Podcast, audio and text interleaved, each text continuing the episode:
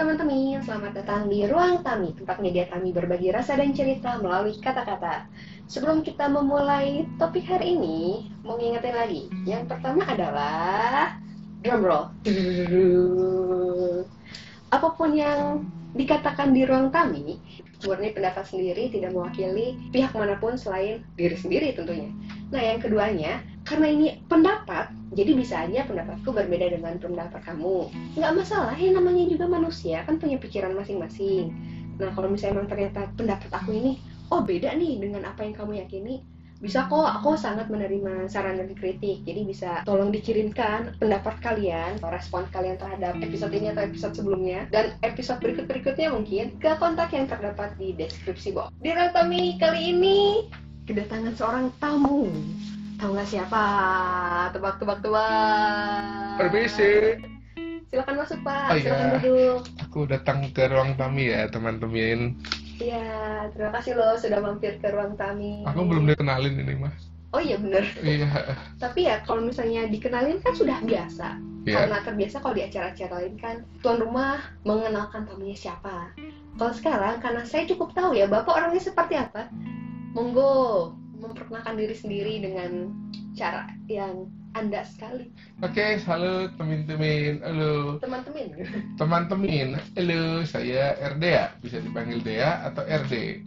Saya teman dari Mbak Tami yang kebetulan nih sudah cukup lama di dunia pertemanan. oke di dunia pertemanan ya dari saya kecil juga kayaknya saya memiliki banyak teman sih pak Ya, jadi kita hampir sama ilmunya. Jadi ya, karena hampir sama makanya saya diundang.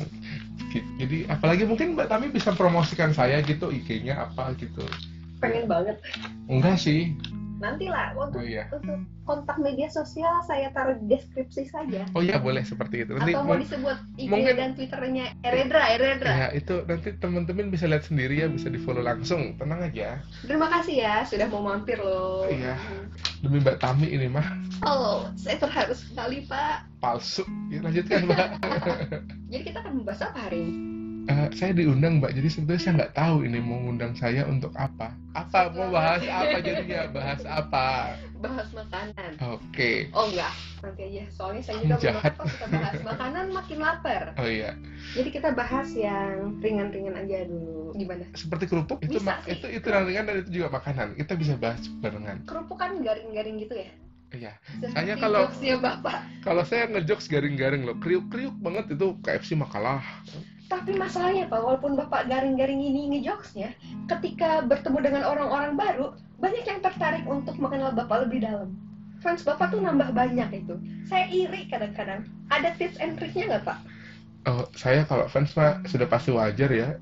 Orang ganteng kayak gini mah kalau di mana-mana fansnya banyak. terserah Ini pembohongan publik sebetulnya, tapi nggak apa-apa. Tolong, tolong dipercaya saya teman-teman. Saya juga nggak tahu awalnya kenapa, tapi saya jadi tahu dari minggu kemarin saya ikut acara yang diadakan oleh salah satu tempat bimbingan kursus bahasa Inggris paling populer di Jakarta. lokasinya ada di mana Oh, gitu di FX Sudirman. Kebetulan tuh acaranya juga bagus kemarin tentang intrapersonal relationship pada orang inter dong interpersonal interpersonal, ya. Inter. Jadi intra itu programnya Pak Jokowi, intrastruktur. itu kan garing Itu contoh garing saya ya. tapi garing-garing ini beneran pas kemarin yang acara itu kan anda langsung followers nambah di media sosial. Oh, jelas. langsung heboh. Saya tinggal Bumi nunggu gitu. tinggal nunggu tawaran jadi influencer aja sih walaupun saya tidak menfluence influence apa-apa. Saya influence. saya bad influence. Ya. tapi ada good influence kok untuk seseorang yang mengundang kita hadir di acara kemarin. Perlu kita shout out kan namanya? Halo mbak. Aku tahu kamu mendengarnya. Mbak yang tidak perlu disebut. Tidak perlu disebut namanya jadi sampai di mana oh di acara maksudnya. itu kita lanjut tadi kita lanjut ya oh iya di acara itu jadi di acara itu dijelaskan bahwa eh, manusia itu butuh berbagai macam kebutuhan butuh berbagai macam iya kebutuhan iya bener sih Human have needs. Needs itu macam-macam. Ada yang bentuknya biologis dan fisik seperti makan, minum, tidur.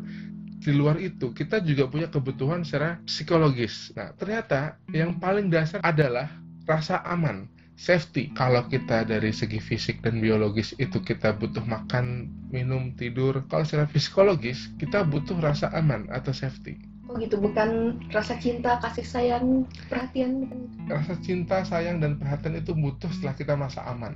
Oh gitu. Gitu, iya. Jadi hubungannya dengan fans apa ya Pak? Oh, jadi gini, jadi ketika saya bertemu dengan orang, entah kenapa banyak bilang banyak orang merasa aman dengan saya. Oh. Ternyata terus dari dari event itu ya diberitahukan bahwa yang menciptakan rasa aman itu macam-macam. Bisa dari gesture, bisa dari nada suara, intonasi Intonasi. suara, kemudian dari facial expression. facial expression. Mbaknya sepertinya lebih tahu daripada saya nih. Soalnya ikutnya bareng waktu itu. Jadi ya istilahnya sama lah. Itu jadi orang banyak bilang merasa aman dengan saya. Mungkin saya perawakannya seperti security ya. Jadi Security bukannya agak-agak apa garang serem oh Garang. saya security security bank gitu yang selamat malam mbak ada yang bisa dibantu mau transfer siapa atau mau ditransfer gitu permasalahan satu emang bang buka malam ya? oh iya apa? selamat malam mbak ya wah Bapak masih ngantuk kayak jam segini. ini saya diimpor loh ya dia tinggalnya di WIB Oh masih jet lag. iya saya dari Wita waktu Indonesia terserah aku Oh my god. ada ada perbedaan waktunya ada jadi ya kurang lebih seperti itu Oke. Oke, Bapak. jadi tadi untuk tadi untuk bukan fans saja ya, kalau ketemu orang mau apa saja itu dimulai dari safety. Kita memenuhi rasa safety orang yang kita temui, mau itu orang asing ataupun orang yang sudah dekat. Jadi dengan tadi ya, Iya. intonasi, dengan Intonasi, gesture, iya. heeh. dengan ekspresi Iya. yang friendly. Orang bisa trust karena rasa aman. Hmm, jadi rasa Gitu. aman dulu yang penting. Ketika kita sudah merasa aman terhadap seseorang, Mm-mm. itu akan muncul kepercayaan. Kok kepercayaan ya? Jadi gini, jadi gini, Rasa seperti percaya. itu. Saya kan security bank, Mbak ya. Kenapa Mbak mau nitip duit ke bank? Karena percaya sama bank kan. Mainstream aja sih saya ngikutin sebenarnya orang-orang. tolong kamu jawab dulu ya. Yang baik-baik. Jadi kita menaruh uang kita di bank karena kita percaya. Bank itu menjaga duit. ya dengan aman. Jadi mereka memberikan keamanan rasa safety baru kita bisa percaya. Seperti itu kurang lebih mbak. Kalau kita menggunakan anal- analogi sebagai bank dan nasabahnya dan saya sebagai security-nya Oke baiklah. saya garing lagi saya- tapi lanjutkan Tapi saya kadang juga yang menitipkan sesuatu kepada pihak lain. Saya percaya dan saya merasa aman.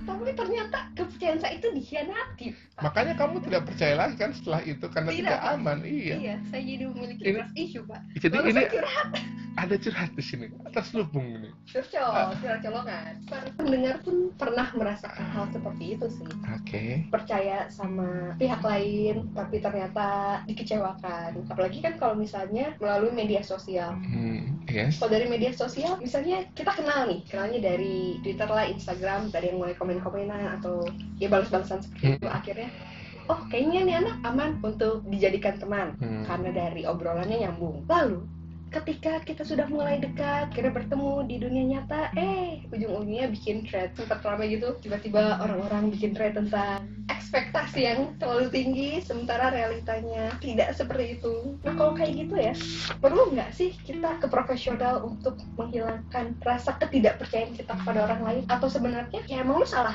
aja, harusnya orang itu tidak lo percayai malah lo percayai. Ini sepertinya ada curhat di sini, tapi kita bantu jawab ya buat Mbak Tami ya. Tidak, saya tidak seperti itu kok. Gimana gimana? Jadi tolong diulangi kenapa ada profesional-profesionalnya tadi bagaimana Mbak?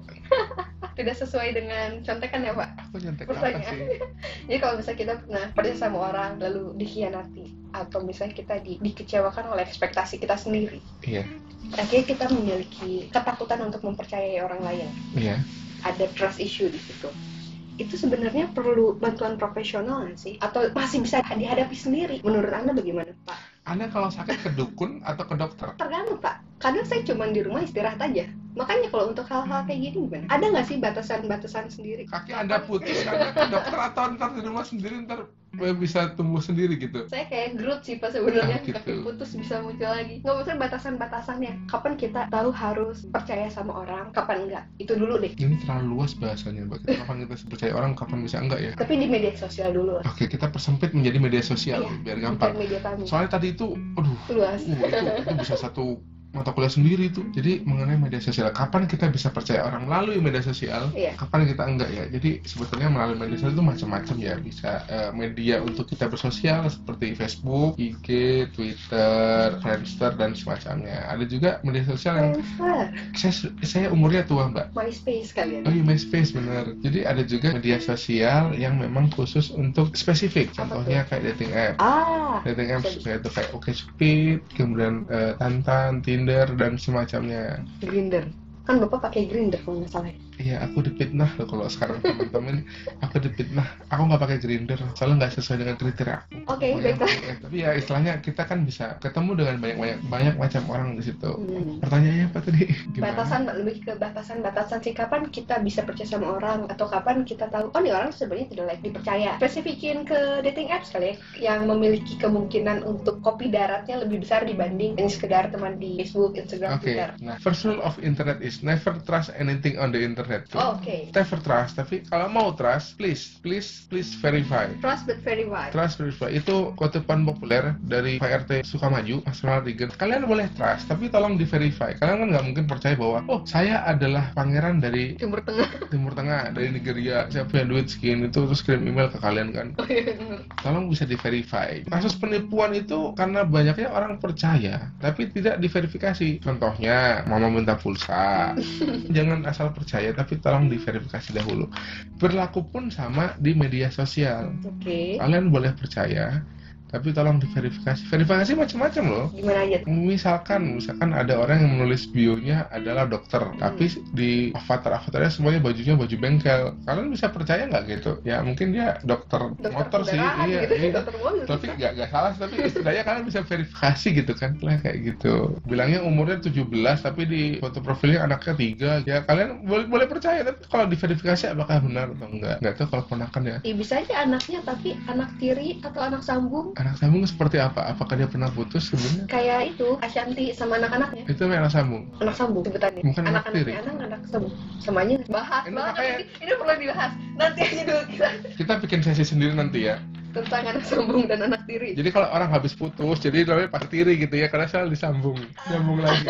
oke baiklah jadi background check itu penting banget ya Baik, kita tidak menyebutnya sebagai stalking, tapi sebagai background check. kalau misalnya Pak RD sendiri si Pak RD Iya. temennya Pak RT kalau misalnya Pak RD sendiri pernah kopi daratnya Oh pernah, oh kalau saya perluas lagi ya, itu kan saya punya beberapa grup, grup hobi, Hmm.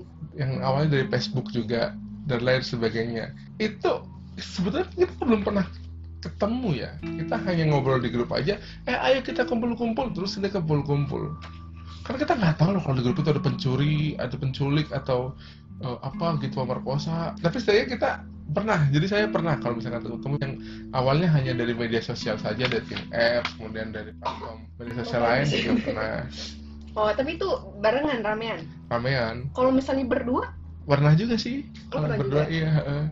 Kayak COD COD gitu, Mbak. oh Terus aman ketemu- Eh, aman sih. Kalau nggak aman saya nggak di sini, Mbak. belum Gimana sih? tentu juga siapa tahu ada pengalaman traumatik kan kita nggak ada yang Oh iya bener sih. Sejauh ini aman, Mbak, oh aman untuk COD ya untuk COD.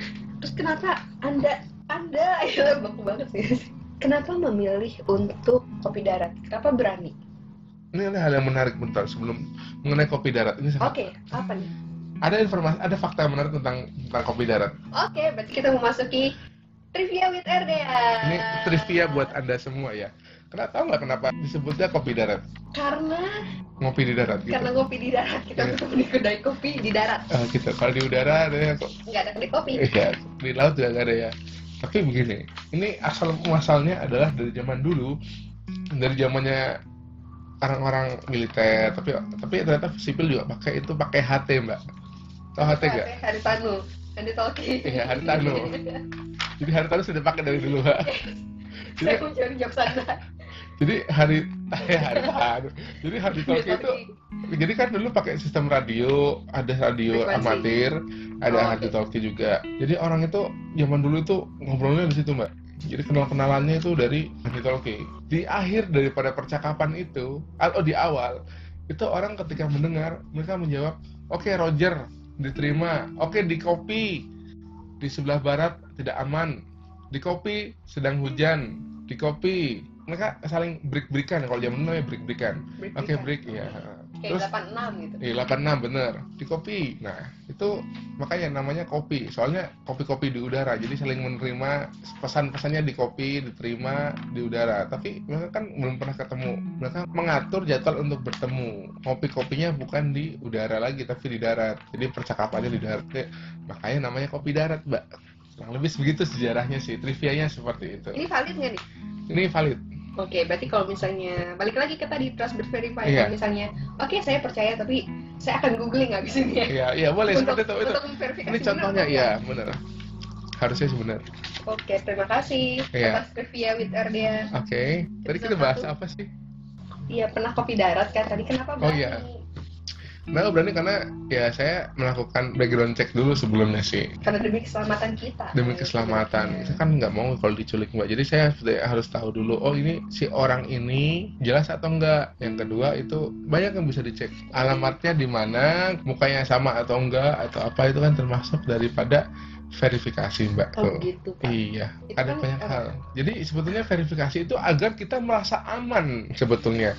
Aman untuk bertemu, safety. Safety when we meet dengan orang yang mau kita kopi darat. Contohnya yang tadi yang teman gue nggak pernah ketemu. Kita kenapa merasa aman? Soalnya kita sering interaksi di grup.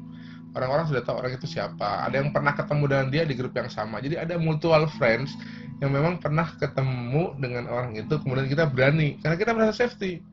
Kita merasa safe, oke. Iya, kita merasa safe. Kurang lebih seperti mbak, kalau untuk kopi darat adalah kita akan bagian cek dulu, kita mencari hal-hal yang bisa membuat kita merasa safe dari orang itu. Jadi tipsnya seperti itu ya. Sebelum Iya. melakukan kopi darat, kita harus make sure kita safe dengan Yes, orang itu. yes, sangat Dengan benar cara mbak. ya itu tadi trust but verify, Iya. background check dan lain-lainnya. Nah, terus juga sama ini untuk precaution dulu ya. Jadi Masih sebelum kita meet up precaution. adalah dari awal ketika kita di internet jangan reveal semua informasi kita. Orang lain pun sama. Mereka pasti nggak reveal semua informasinya mereka. Ini ada pepatah dari luar sih, bukan pepatah. Apa ada istilahnya ada anekdot-anekdot Apa? orang kalau dikasih topeng mereka akan kelihatan aslinya. Apalagi internet kita nggak pernah tahu misalkan yang di seberang sana dia orang cowok atau cewek. Everybody ya udah everybody can be Somebody. somebody. Nah makanya ini verify sangat penting dan sebisa mungkin yang di reveal informasi sedikit saja. Ketika kalian merasa percaya atau sudah safety itu boleh dibuka sedikit-sedikit lagi. Misalkan anak keberapa agamanya apa terus apa itu boleh lah belakangan. Tentang agama nih ini sebetulnya agak menarik di dating apps itu ada beberapa Oke. orang yang menaruh di awal itu tulisannya misalkan agama A agama B kemudian sukunya A Agama suku B ya ada seperti itu Nah, itu sebetulnya hal yang wajar karena mereka ingin mencari safety juga. Jadi ketika ingin kenal dari orang lain, mereka oh, aku safe ketika aku menulis informasi ini. Jadi orang yang akan men-swipe aku, yang akan match sama aku adalah orang yang sudah paham tentang safety-nya itu, tentang precaution-nya dari si mbak atau masnya itu bahwa mereka mencantumkan agama tertentu. Agar ketika nanti match udah ada safety masing-masing gerejanya di mana masjidnya di mana atau gimana kan nanti jadi bisa bahan obrolan baru Oke, menarik sih mas. Terus saya jadi penasaran. Ini mas, eh kok mas, Pak RD ini Heeh. main dating apps apa? Kayaknya pengalaman tuh tadi kan ya? Saya nggak banyak sih. Saya nggak main sih mbak. Udah nggak main lagi. Masa pak? Iya, saya mainnya Friendster. Masih main Friendster? Oh, udah nggak ada sih Friendster. Aku bohong. Eh Maaf ya teman-teman. Sudah dibeli dan dibuang. Enggak di. Bukannya jadi ganti platform, eh platform ganti konsep gitu? Kita bahas. Bahas ini pak, Friendster, oke. Kita bahas lain kali nih ya. Jadi balik lagi dating apps? Dating apps semacam-macam ya. Ada yang awalnya media sosial biasa menjadi dating apps juga ada. Contohnya kayak beberapa Enggak, hal. bapak tadi main dating, dating apps apa aja. Bohong banget ini kalau misalnya nggak main. Siapa tahu kan yang pendengar bisa menemukan atau justru tertarik untuk menggunakan Teman-teman ya. Ah, ah, ah. ya lebih lama menggunakan ini Mbak Tami. Uh, dia sangat expert. Masa habis nginstal langsung ada yang match tuh? Apa pakai apa? Tantan kemarin dia. Uh, Eh, saya pakai tonton juga karena penasaran Anda memakai itu duluan. ini kok di spill spill begini sih? Ya, saya duluan. Kita mainnya gitu aja dong. Saya nggak, Seperti kaos yang Anda pakai equality. Mereka tidak melihat. Nggak, Teman-teman teman-teman ini tidak melihat kaos saya ya. Ya saya iseng-iseng menginstal Tinder dan Tantan saja. Kenapa? Karena ada iklan dan saya oh ini oke juga. Jadi udah dicoba tuh. Nah makanya saya pun menggunakan yang palsu-palsu, yang asli-asli hanya hanya penasaran saja. Baru berapa bulan nggak nyampe dua bulan apa ya? Iya pak, percaya saya pak. Terus kan kalau misalnya tadi kan bapak akhirnya mengakui menggunakan Tinder dan Tantan. Terus tadi bilang pakai yang palsu-palsu. Apa aja yang palsunya? Yang palsu adalah statement saya sebel- sebelumnya. Saya tidak palsu ternyata. Saya beberapa kali. Oh iya, saya tahu ada yang palsu. Foto saya ada yang di Photoshop atau apa gitu agar lebih cerah kulitnya. Dan itu suatu kepalsuan sih sebetulnya. Foto yang mana pak? Boleh saya lihat? Eh, nanti ada di description ya. Oke baiklah. Tadi kan bilang do not reveal everything on the internet. Ya. Nah kalau misalnya menurut bapak sendiri nih, ini menurut bapak ya, bukan menurut teori atau menurut pakar. Mm-mm. informasi apa aja sih yang perlu di spill di internet untuk yang dating apps deh karena kita tadi sudah mengerucut ini sebenarnya. Iya, kita bisa jadi siapa saja di internet. Tapi kalau di dating app, sebetulnya kita ingin mencari calon pacar, calon istri dan lain sebagainya itu bisa dicari semua. Nah, sarannya adalah dari awal itu di state kalian mencarinya apa? Looking for To watch people Star Wars. ya to watch Star Wars, looking for people to find a good ice cream dan semacamnya dari awal. Jadi udah jelas maksudnya gimana. Ada beberapa orang dari awal sudah men-statement dengan jelas ingin hubungan yang serius. Ini kan kalau ingin hubungan yang serius, kalau misalkan ada satu orang, kemudian orang lain juga yang sama ingin mencari hubungan serius, pasti akan matchnya di situ. Sama-sama ingin. Jadi yang paling pertama adalah set dari awal apa yang kalian cari. Oke. Teman makan, teman itu, teman hidup, teman tidur, apa-apa bobo. gitu. Jadi kayak misalkan jual beli guling gitu kan, bantal, itu teman bobo tuh. Mencari teman bobo, oh, langsung match sama penjual guling misalkan. Itu bisa ya dari Iya, situ. seperti itu. Nama juga pasti. Ya, Tapi kalau nama tuh perlu langsung nama lengkap atau nama panggilan aja di dating apps yang kalian merasa aman kalau kalau kalian berikan di dating apps. yang merasa yang bikin kita merasa aman. Iya. Kita balik lagi yang penting kita ngerasa aman. Iya, yang penting kita merasa aman. Terus apa lagi? Personal contact perlu nggak sih? Kalau kalian merasa aman, tidak akan ditagih sama tukang kredit atau apa, ya tidak apa-apa. Kalau kalian utangnya banyak nih ya, terus taruh nomor HP di itu, ya pasti banyak yang nawarin KTA atau apa gitu. Nah kalau menurut pengalaman bapak sendiri selama menggunakan Heeh, Tinder dan Tantan, Oke, ada nggak yang naruh ada, kontak? ada. Gitu? Ah, ada. ada beberapa orang yang nggak usah match aku nggak apa-apa, nomor HP ku ada di sini, tolong dikontak. Wah, terus langsung bapak kontak nggak? Nggak pernah sih, saya nggak pernah lihat kayak gitu. Eh, maksudnya saya pernah lihat tapi nggak pernah ini. Dia nggak jualan apa-apa soalnya. Ah, takut malah dia jualan. Takutnya dia jualan di kontak. Oh iya saya tapi sudah ganti nomornya. Saya jualan asuransi ini pak. Uh luar biasa. Tapi kalau misalnya menurut bapak lagi nih, kalau bapak sendiri yang di reveal apa aja? Nama, Nama, oke. umur, Nama, umur, foto, Nama, sama umur, ketertarikan saya. interest. Interest. Eh, bapak interestnya apa aja? Ini saya Interest saya dengan jokes. Saya diinterogasi ini. Ini teman-teman ya, teman-teman ya. Ini ini berkedok ini. Podcast ber bertopeng. Podcast bertopeng. Ya, alah. Jadi ini interogasi berdalih podcast. Oh, kalau ini nggak akan saya publish pak, Oh, buat gitu. saya aja. Oh gitu. Pasti di-cut nanti lihat aja. Secara pribadi yang di-share adalah nama, profil, umur, sama interest saya. Kalau yang untuk saya share. kerjaan, rumah kayak gitu nggak. Itu enggak. Kalau latar belakang pendidikan, latar belakang pendidikan ya maksudnya kayak kampus atau sekolah gitu. Itu orang macam-macam sih, Mbak. Kalau ada yang merasa safe itu bisa masuk juga ke pedean. Hmm. Kalau PD misalkan kuliahnya di Bojong Soang ya boleh. Kalau misalkan PD karena kuliah di Singapura boleh. Tergantung sih. Tapi ingat, orang itu ketika melihat daripada pendidikan orang lain, mereka bisa ngerasa safe atau enggaknya. Jadi di luar kita merasa safe, orang juga kita melihat ketika melihat kita mereka apakah safe atau enggak. Oh kita ternyata pendidikannya jomplang ya. Eh di Iya, Bojong. Kenyot, nah, kamu di mana gitu. Jadi oh ini ketinggian buat saya. Oh ini terlalu rendah buat saya. Itu jadi ya terserah kalian apakah kalian PD atau enggak. Oke, baiklah. Lalu kalau misalnya dari dating app kan Bapak cuman nge-share awalnya nama, umur, foto, interest di bio di bionya kan di profile Bapak. Ya, Ketika sudah memulai chat dengan orang lain yang match ya. Ya kan udah Oh iya, match, udah jadi match. kan chat.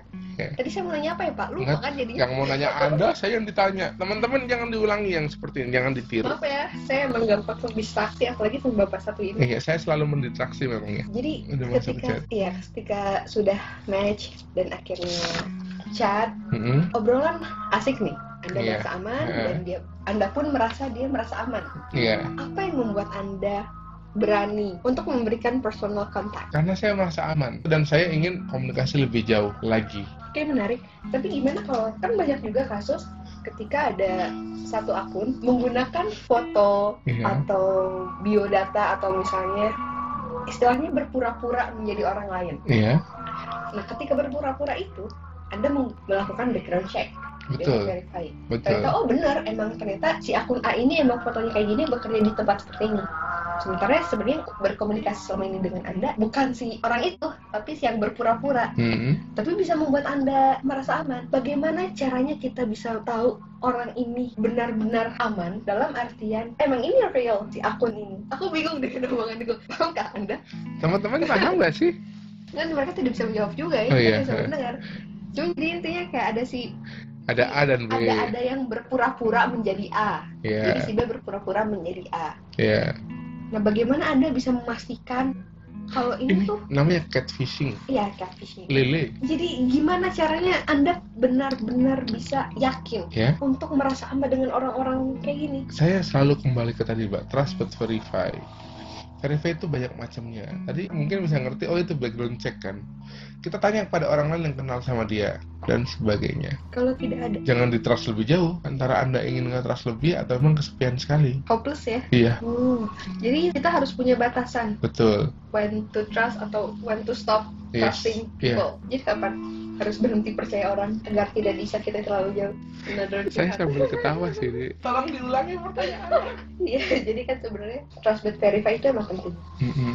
Tapi kan harus tetap ada um, suatu poin dalam diri kita yang tetap tidak percaya. Iya, Jadi bagaimana caranya kita bisa apa ya? Mau pakai logika gimana pun kadang kita perlu pakai gut, kita pakai apa sih? naluriahnya. Naluri, kita Heeh.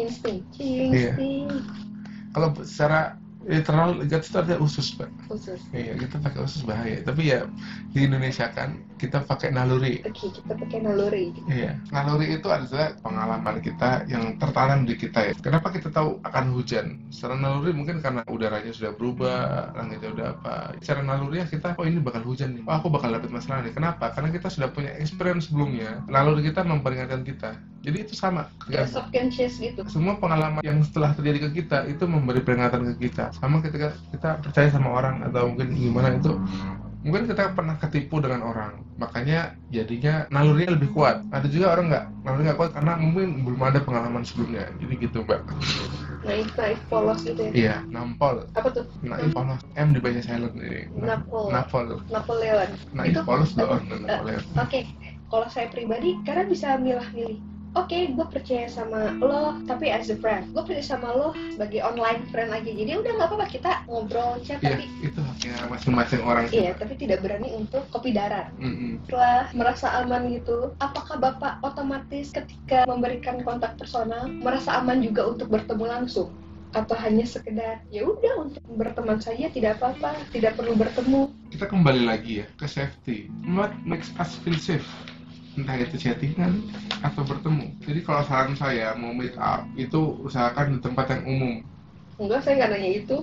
Saya nanya bapak dulu. ya Bapak ngerasa gitu nggak? ngerasa apa Kan tadi saya sudah bertanya. Bapak kan berani nih ngerasa aman untuk memberikan personal kontak. yes Apakah otomatis juga berani bertemu atau hanya ya udah oh belum kontak belum aja? memberikan nomor kontak belum ber- belum berarti Belum merasa berani. safe untuk bertemu Begitu harus ada proses lagi. iya Nah proses itu tuh akhirnya membuktikan betul apa aja sih indikatornya yang membuat bapak akhirnya ngerasa oke nih orang layak bertemu dengan seorang RD Eh, ada beberapa hal ya. Secara pribadi sih ternyata ada beberapa orang yang memang memiliki common interest common friend itu penting. Ketika kita diapa-apain kita bisa memiliki bukti-bukti. Oh oke. kita bisa memiliki beberapa hal untuk menjadi bukti yang kuat atau setidaknya kita ada safety netnya lah seperti itu Baik, jadi ya. balik ke safety jadi ya ada safety netnya misalkan saya ketemu sama orang seseorang nih. Kemudian saya hipnotis barang saya hilang kalau dia ganti nomor apa kan kita nggak tahu. Tapi kalau misalkan kita punya interest yang sama kita ternyata ada satu teman yang sama dulu di mana ada juga mungkin kita bisa percaya bahwa dia kantornya di mana. Nah, ada beberapa hal tentu yang kita membuat menjadi aman kalau ketemu. Gue diapa-apain gue bisa lapor ke sini gue bisa ke sekolahnya gue bisa ke kantornya dan sebagainya. Temannya ternyata adiknya tetangga kakak sepupu dari tetanggaku misalnya gitu Jauh banget ya. Iya. Tapi setidaknya itu adalah satu kita ada satu relasinya gitu mbak. Hmm.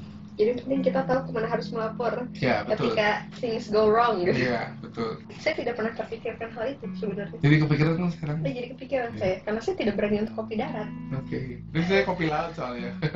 kopi udara saya. Tadi bapak Ngopinya kan mau ngasih iya. tips juga ya. Gak ada.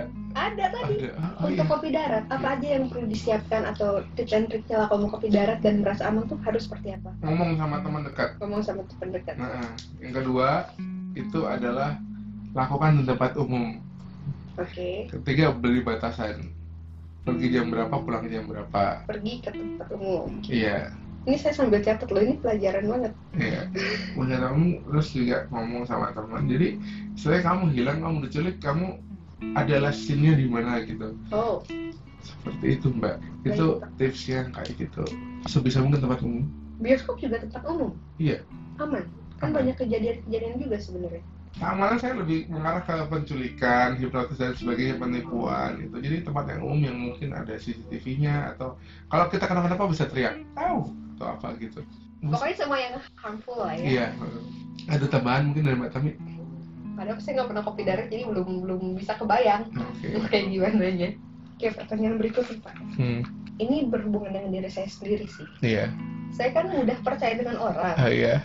Jadi setelah diverifikasi emang orangnya aman. Ya. Tetapi kadang banyak orang yang protes. Oh, lu tuh jadi orang yang terlalu gampang percaya deh. Nanti dibegoin, ditipu lo, diapa-apain. Padahal saya merasa aman. Ternyata terlalu aman itu tidak baik juga. Jadi punya tips and trick bagaimana biar tidak terlalu merasa aman atau mudah percaya dengan orang lain. Masa nggak punya itu? Masa nggak? Saya soalnya nggak terlalu mudah sama orang lain, Mbak. Oh kayak gitu. Jadi gini, Mbak. Yang ini sangat menarik ya. Soalnya manusia itu dari lahir sampai besar Hmm. itu ada pengalaman-pengalaman yang menjadi pelajaran. Contohnya, anak kecil ketika kesetrum, mereka jadi tahu, oh listrik itu berbahaya. Ketika mereka kena api, oh api itu bisa membakar. Ketika tertusuk duri, ketika terasa pisau, ketika dikejar anjing, dikejar soang, mereka punya masing-masing ketakutan dan pengalaman sendiri. Tahu dodo? Burung dodo. Burung dodo? Iya. Burung dodo itu punah. Kenapa? Karena di pulau itu tidak ada predator yang mengincar mereka. Ketika datang manusia, mereka tidak merasa curiga, mereka trusting karena tidak pernah ada yang memangsa mereka sebelumnya. Jadi sebutannya burung dodo karena dodo itu artinya bodoh. Bodoh karena mereka datang aja dibetok aja udah dapat. Terus udah disembelih dapat gitu kan karena mereka burung bodoh. Burung dodo nggak salah karena memang nggak belum ada predator sebelumnya. Jadi orang-orang seperti Mbak yang nggak pernah dapat predator Amit-amit lah. Jangan sampai. maksudnya trusting kan karena memang belum pernah ada yang eh, ber- berniat jahat dan semacamnya kepada Mbak gitu kan. Nah itu makanya Mbak bisa trusting karena hal tersebut. Jadi Mbak Tami Dodo Kayak presiden dong saya, jangan jangan kita jangan. Maksud saya adalah ketika kita belum mengalami suatu keadaan yang mengancam kita, kita pasti akan percaya. Jadi mungkin Mbak Tami terlalu percaya karena selama ini bertemu dengan orang-orang yang baik. Terima kasih teman-teman pendengar juga yang temannya Mbak Tami. Kalian semua orang baik bro. Terima kasih loh. Apakah Anda juga baik bagi saya? Kita bisa buktikan nanti-nanti ya. Oke, baiklah. Akhirnya saya ingat kenapa episode ini dibuat tentang safety, tentang trust.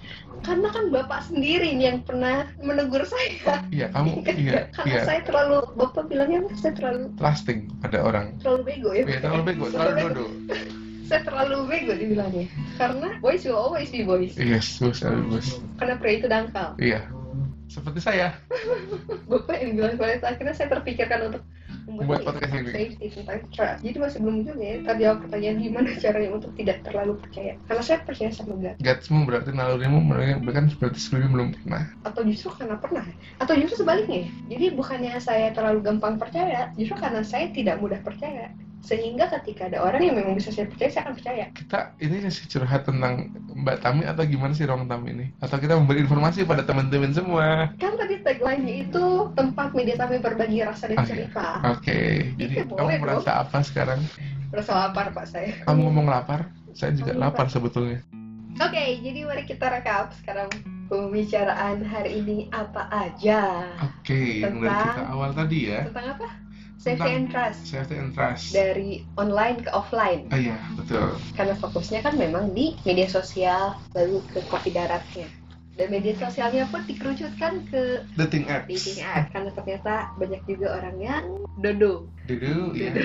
Oke, yang pertama, kita harus memastikan diri kita aman. Kita Betul. merasa aman, Yes, make sure yourself are feel safe. feeling safe, ya. Dan yang kedua, Yang kedua adalah don't trust anything on the internet. Yang ketiga, if you ever want to trust something, please don't forget to verify it. yang keempat, Don't do not reveal reveal everything. everything. Kurang lebih seperti ini, Pak. Mungkin ada yang tambahkan lagi. Ini tadi bapak nyebutnya ini. Saya sering tipu ya kalau ngomong ya, mohon maaf. Tadi mungkin kalau teman-teman itu mendengarkan, saya ada beberapa tipu juga, tapi Kalau pak nggak usah deket-deket sama mikrofonnya. saya ingin lebih dekat dengan mereka gitu. Jadi saya mendekat ke mikrofon. Bilangnya mendekat sama saya pak. ah malu ya tapi hal-hal tadi itu sangat penting sih menurut saya ya. Menurut Pak RD ini. Pak RD Pak D, Pak D.